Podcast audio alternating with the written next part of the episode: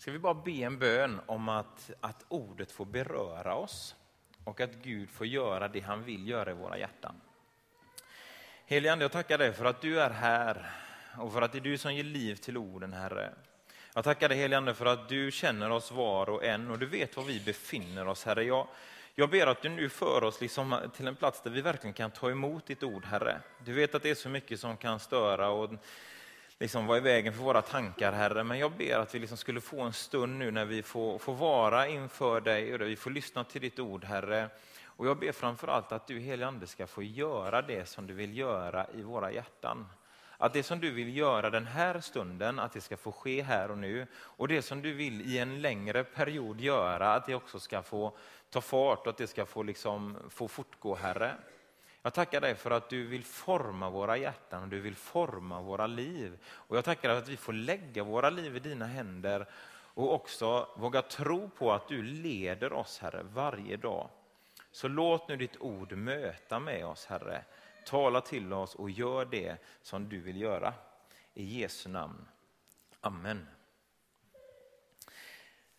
Om du inte har varit här eh, innan så har vi ett årstema där vi talar om frihet. Och idag så är temat frihetens gränser.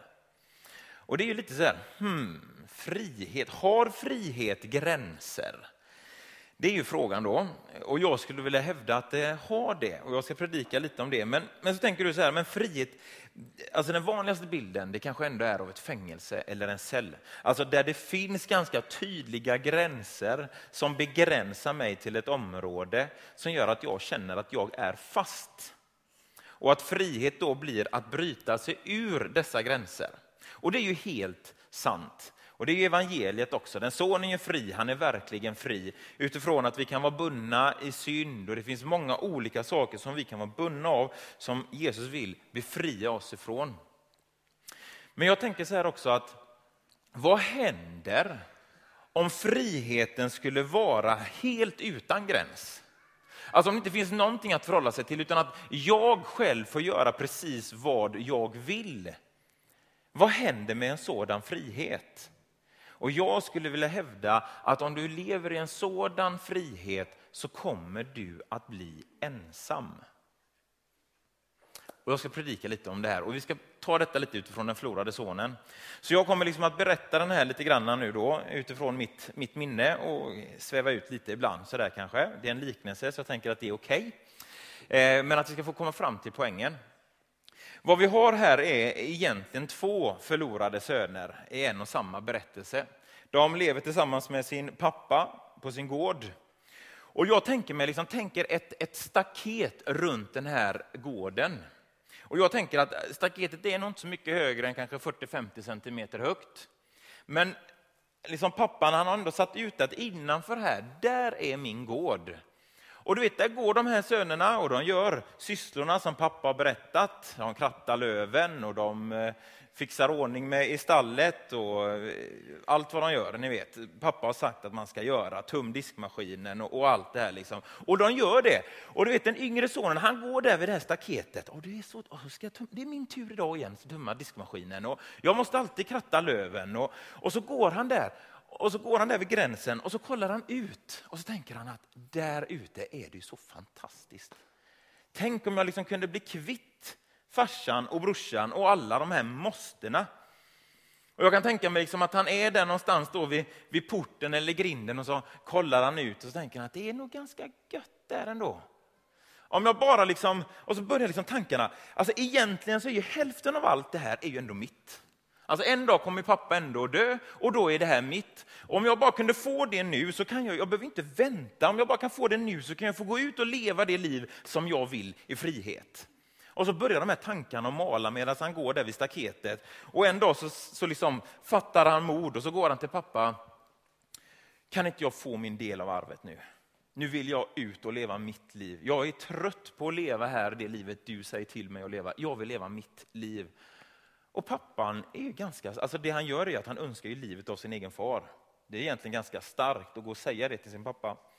Men pappan han ger det som är sonens och han säljer det och han får pengar. Och jag tänker så här, vad är det den här yngre sonen känner. Han går ut med två stora väskor med pengar. Liksom. Vad är det första han känner när han går ut ifrån sin pappas hus? Jag tror att han skulle beskriva ordet med frihet. Äntligen är jag fri ifrån det som binder mig.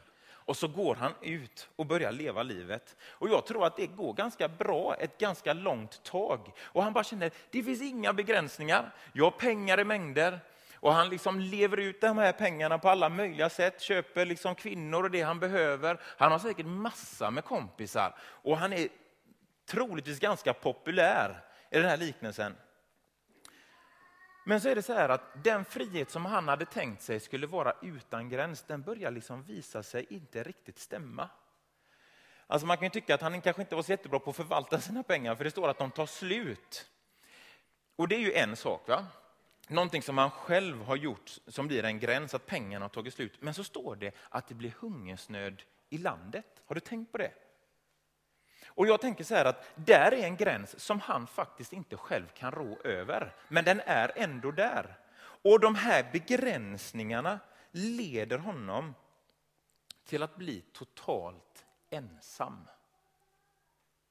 För du vet, han går till någon av de här gubbarna där och säger, kan inte jag få jobba hos dig? Jag måste liksom få mat för dagen. Och så får han jobbet att ge och vakta, alltså ge mat till svinen och vakta svinen.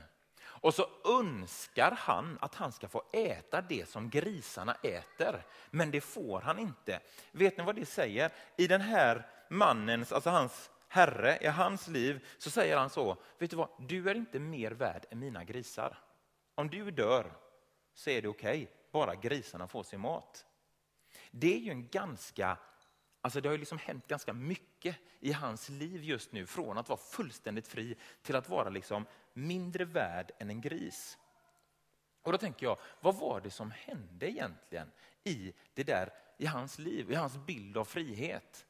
Och jag tänker så här, att det han gjorde var att han ville, han ville liksom slå sig fri ifrån de relationer som han upplevde eh, han var bunden av.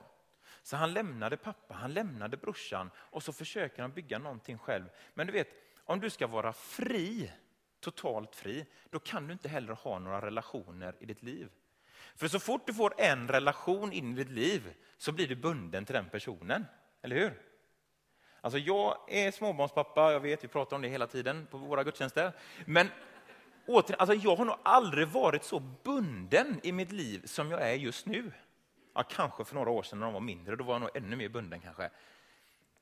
Och någonstans är det så här liksom att jag kan liksom få den här bilden av att frihet är att stå på en äng, du vet alldeles själv. Eller den bilden som jag har, jag sitter på en ö på västkusten och det är liksom så stilla och solen skiner och det är solnedgång och livet är fantastiskt. Det är liksom bilden av frihet. Men vet, till slut så blir det ganska trökigt att sitta på den holmen själv. Och du vet när liksom stormen börjar komma och molnen kommer, då är inte det så gött. Eller som idag när det regnar där ute, då vill inte jag sitta på västkusten. Då jagar jag hellre mina ungar. Alltså vad är frihet egentligen? Och, och då, då hände ju någonting i den här killens liv. Liksom. Då började han ju tänka, hur var det hemma hos pappa. Och så tänker han det, liksom, det är klart, jag kommer aldrig kunna liksom nå upp till den standarden jag hade innan. Jag, kommer liksom inte, jag är inte värd att kallas hans son. Men du vet daglönarna, de som kommer över dagen, de som är tjänarna, de har det bättre än vad jag har det.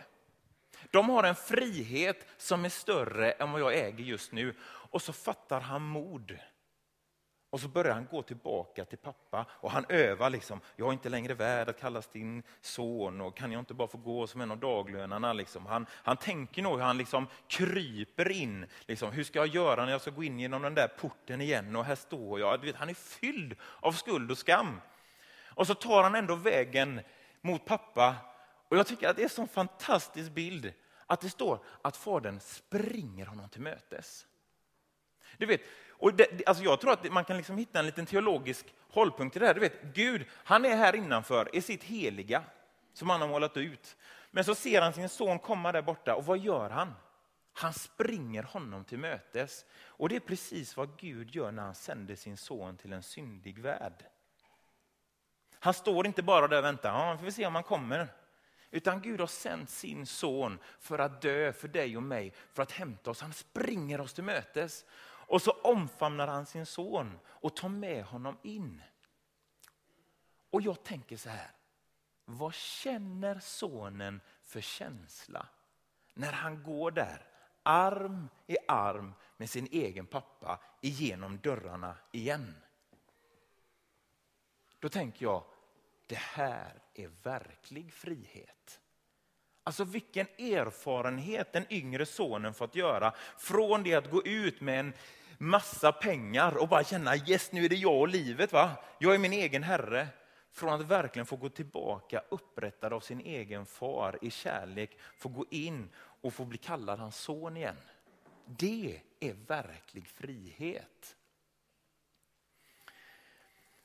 Sen har vi ju den här andra sonen. Så man kanske egentligen tänker att men det är ju han som har liksom fattat grejen. Han har ju liksom varit där innanför de här gränserna som Gud har satt upp. Liksom. Och han är ute den här dagen och han går där vid staketet och krattar löven. Liksom. Och nu får ju kratta dubbelt så mycket för brorsan är inte här. Liksom. Och, du vet, jag kan tänka mig att han är lite smått avundsjuk på brorsan. Tänk om jag också skulle våga gå utanför, för han verkar ha ganska mycket fokus på gränsen jag är duktig, jag gör det här och om jag fixar den här och jag tömmer diskmaskinen, då har jag rätt att vara en son till min far. Och han liksom peppar sig själv, kanske något som sagt avundsjuk på brorsan som har varit där ute. Och du vet när han då liksom har ägnat hela livet till att göra det som hans pappa har sagt att han ska göra, så hör han att nu är det fest. Nu är det buller och bång och det är glädje där inne. Vad är det som händer, säger han. Och du vet när han får höra att hans lillebrorsa har kommit tillbaka, då blir han ju vansinnig. Vet du. Han blir så arg. Så han ropar på pappa, kom hit. Vad är det här? När han kommer tillbaka, han som har levt upp dina pengar liksom, på horor och grejer, när han kommer tillbaka, då kommer du med fest. Här har jag tjänat dig i alla mina dagar och hållit alla dina bud. Och mig har du inte ens gett en killing att festa på med mina kompisar. Du vet, han är ju vansinnig på pappa. Och du vet, då tänker jag mig liksom det här mötet mellan pappan och sonen. Där det känns liksom som att vet, när man missar varandra i kommunikation så här, så känns det som att Gud ändå liksom säger, pappa till sin son, men du har ju inte fattat grejen. Du har ju missat hela poängen. Och så säger han det som jag skulle vilja hävda är en av nyckelverserna i den här liknelsen. Han säger så här. Allt mitt är ditt. Han har ju inte fattat att gödkalven har varit för honom hela tiden. Han har varit så fokuserad på att det här måste jag hålla, det här måste jag göra. Det är viktigt att inte gå utanför den här gränsen. Så han har liksom missat hela grejen att vara tillsammans med Fadern. Och att också förstå att allt det som är Guds är också mitt.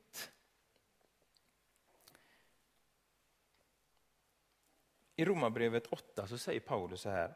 Han som inte skonade sin egen son utan utlämnade honom för att hjälpa oss alla, varför skulle han inte skänka oss allt med honom? Det är så lätt att vi liksom kollar på de här reglerna som Gud sätter upp för våra liv. Ja, det är lite jobbigt. Får jag inte ens jobba lite svart då? Eller om jag tar hem en fönsterputsare som är lite halvsvart, det kanske inte är så farligt. Ja, men du vet de här gränserna som vi hela tiden, och så fokuserar vi och tänker där liksom. Och så, du vet, om vi lever på ett sådant sätt och bara ser reglerna och budna som någonting som begränsar oss från det som vi egentligen tror är verklig frihet, då kommer det att binda dig. Men vad Gud säger till dig och till mig, det är det liksom att jag har offrat min son. Allt mitt är ditt. Vänd om. Fokus är ett annat håll.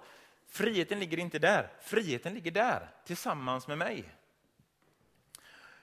Och Jesus han säger så här, alltså jag tänker den här gränsen som ändå målas upp. För det gör den. Den målas upp i Bibeln. Och vi kan ta de här självklara grejerna som vi ser, du ska inte dräpa, du ska inte stjäla, du ska inte vittna falskt, du ska inte vara otrogen. Alla de här reglerna har ju Gud satt upp av en anledning. Och Jesus han säger så här i Johannes 15. Liksom Fadern har älskat mig så har jag älskat er. Bli kvar i min kärlek. Och om ni håller mina bud blir ni kvar i min kärlek så som jag har hållit min faders bud och är kvar i hans kärlek. Ja, man kan ju i första anblick se det som att okej, okay, nu säger Jesus, om du verkligen älskar mig så gör det jag säger till dig. Då är du värd min kärlek. Det är inte det han säger. Han säger om du vill bli kvar i min kärlek. Vad Gud gör med lagen och vad han gör när Jesus berättar hur vi ska leva, älska din nästa, vänd andra kinden till. Det är att han målar upp en gräns för dig och mig så vi förstår när vi är på väg att lämna den frihet som vi skapta till. Hänger du med på det? För att vad han säger är den att jag vet vad som är bäst för människan.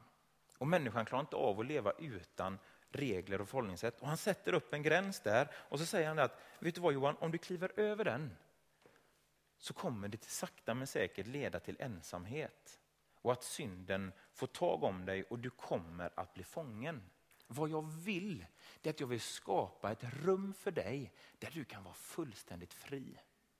Och det rummet, det är innanför här Johan. Lev tillsammans med mig. Sen är ju det här att vi vandrar fram och tillbaka över här och vi är människor. Och det är en sak. Och Gud han har med nådens medel hjälpt oss att faktiskt kunna komma tillbaka in om och om igen. Men poängen här är att inte sätta fokus på staketet utan att vända sig om och förstå att allt det som är Guds är också mitt. Ni får ett bibelord till. Paulus han säger så här i Galaterbrevet. Ni är ju kallade till frihet bröder. Låt bara inte den friheten ge köttet något tillfälle utan tjäna varandra i kärlek. Hela lagen sammanfattas i detta enda bud. Du ska älska din nästa som dig själv. Han säger att vi är kallade till frihet. Anledningen till att jag tänker att, att staketet är ganska lågt, det är det att Gud har inte satt upp stora murar som tvingar dig på ett ställe, utan vill du så är du fri, precis som den yngre sonen, att lämna. Men Paulus säger det att den där friheten som du har fått, vad ska du göra med den? Och jag tänker så här, det är så lätt att vi liksom tänker, ja, hur långt, hur nära staketet kan jag vara, men ändå vara innanför? Eller hur? De här vardagliga besluten vi gör. Och så tänker jag så här, det jag tror Gud önskar, det är att Johan, om du bara kunde utforska hur nära mig du kan komma istället med den där friheten. Istället för att sätta fokus här. Gud, hur mycket av dig kan jag få uppleva? Kan jag få förstå ännu mer om vem du är? Vad, hur fri är jag? Att, hur nära din tron får jag komma? Och jag menar, Gud, han målar upp bilden att vet du vad, det är liksom förlåtet är rivet. Du kan få komma hela vägen fram. Och Många gånger så tror jag vi liksom brottas med att jag är ju inte så duktig, jag kommer inte så nära Gud. Jag har liksom tio meter kvar till tronen. Men du vet Gud han säger att men du är välkommen upp i min famn. Där är du som friast tillsammans med mig. Och Jag tänker att den friheten kan vi få utforska när vi träffas så här på gudstjänst. Hur nära Gud får vi komma? Vi kan få utforska den i våra liv. Gud, hur mycket kan du göra i mitt liv och vad kan jag få betyda för ditt rike? Jag tror att det är där friheten existerar. Och jag tänker så här. Var någonstans i den här berättelsen befinner du dig? Är du där innanför tillsammans med Gud? Är du den äldre sonen kanske? Ja, men jag har ju faktiskt varit på tre söndagar nu av fyra den här månaden. Det är ju riktigt bra. Jag kan ju till och med referera lite på Johans predikningar. Ja, det är inte dåligt. Kanske du liksom är fast i att jag måste göra det som Gud har sagt för annars så tappar jag allting. Och så är det så lätt att den här bitterheten kanske kommer in. Du skulle behöva förstå att allt det som Gud har tillhör dig. Du får komma hela vägen fram in i det allra heligaste. Han älskar dig oavsett, inte på grund av det du gör. Kanske att du känner att du är den yngre sonen och är på insidan och någonstans bara, vad gött det skulle få vara. Tänk om jag bara, det kom upp nu att det är någon som har vunnit en halv miljard. Vi pratade om det igår hemma, som inte vet om det eller hur det nu är. Jag har inte riktigt hört det där. Men, men att det är någon liksom bara, tänk om jag bara kunde haft de här pengarna. Åh, oh, vad fri jag skulle vara då. Vad underbart livet skulle bli. Kanske du liksom känner att men jag tror faktiskt att jag lämnar det här med Jesus ett tag. Alltså jag tror att människor kan göra det och uppleva, nu är jag äntligen fri. Ifrån allting som måste göras, alla servicegrupper och allt som är och man ska läsa och man ska göra. Oh, vad gött att slippa det där. Och det skulle jag vilja befria dig ifrån. Men den ensamheten som du möter, den tror jag kommer bli ett större fängelse än vad Gud har för dig egentligen. Kanske att du känner att du är där ute och bara, men när jag var ung så var jag där inne. Nu har jag lämnat, men jag känner ändå att ensamheten blir påtaglig. Kan jag komma tillbaka? Finns det en väg tillbaka för mig? Och jag säger ja, det finns det.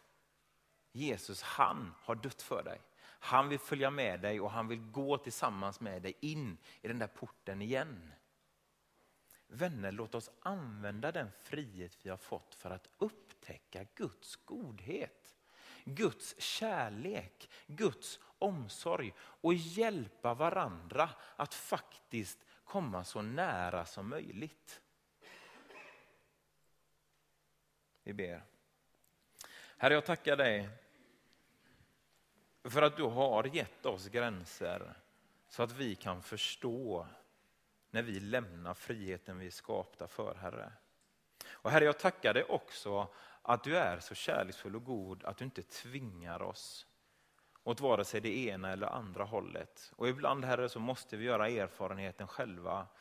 Men Herre, jag ber att den som kanske längtar efter att få komma hem igen skulle få känna att de får bli iklädda festkläderna, ringen, att det blir party, Herre, för att någon får komma tillbaka. Tack för att vi är dina söner, dina döttrar, Herre. Och Herre, jag vill också be för den som, som kanske är bitter, som längtar efter en frihet som kanske inte är sann. Herre, jag, jag ber att du skulle hjälpa de personerna att att vända om och fästa blicken på dig istället. Herre, hjälp oss att förstå den frihet vi har i dig. Och Herre, tack för att vi är bundna av relationen till dig. Herre, tack för att vi får ha en relation där vi är älskade. Herre, tack för att vi får en relation där vi blir förlåtna och upprättade. Herre, jag tackar dig för att du med din helige ande vill sätta oss fullständigt fria. Herre, hjälp oss att se det som du har för oss. Det ber jag i Jesu namn. Amen. Amen.